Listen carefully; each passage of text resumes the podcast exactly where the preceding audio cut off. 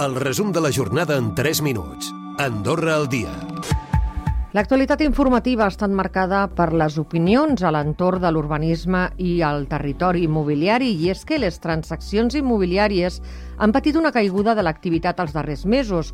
Així ho expliquen des de l'Associació de Propietaris de Béns Immobles que pronostiquen una davallada del mercat de venda de pisos que podria provocar la fallida d'algunes immobiliàries i fins i tot d'algunes constructores.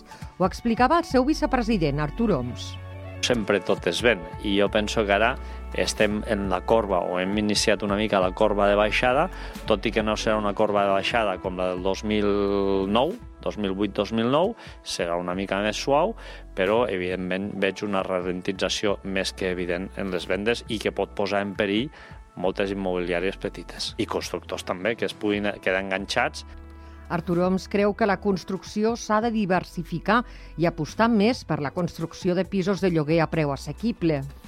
S'està focalitzant al luxe i, per tant, el luxe és car. Val? Per tant, necessitem diversificar tota la construcció que hi ha i penso que una molt bona solució és construir per llogar. Construir per llogar a uns preus assequibles, a uns preus molt raonables, i encara dins aquest àmbit és imprescindible mantenir un model urbanístic moderat i sostenible a Ordino indistintament del color polític del pròxim consulat. Així ho assegura Josep Àngel Mortés pocs mesos abans de tancar els 8 anys com a cònsol major. A partir d'aquí, és cert que tot té limitacions, no? Si al país no hi ha suficientment eh, habitatges per poder acollir eh, aquesta mà d'obra, bueno, s'hauran de buscar altres solucions. I Concòrdia està estudiant la documentació sobre el projecte de l'heliport, però al mateix temps valora possibles accions legals contra la ubicació a Pal. El partit considera que en aquest indret tindria massa impacte ambiental.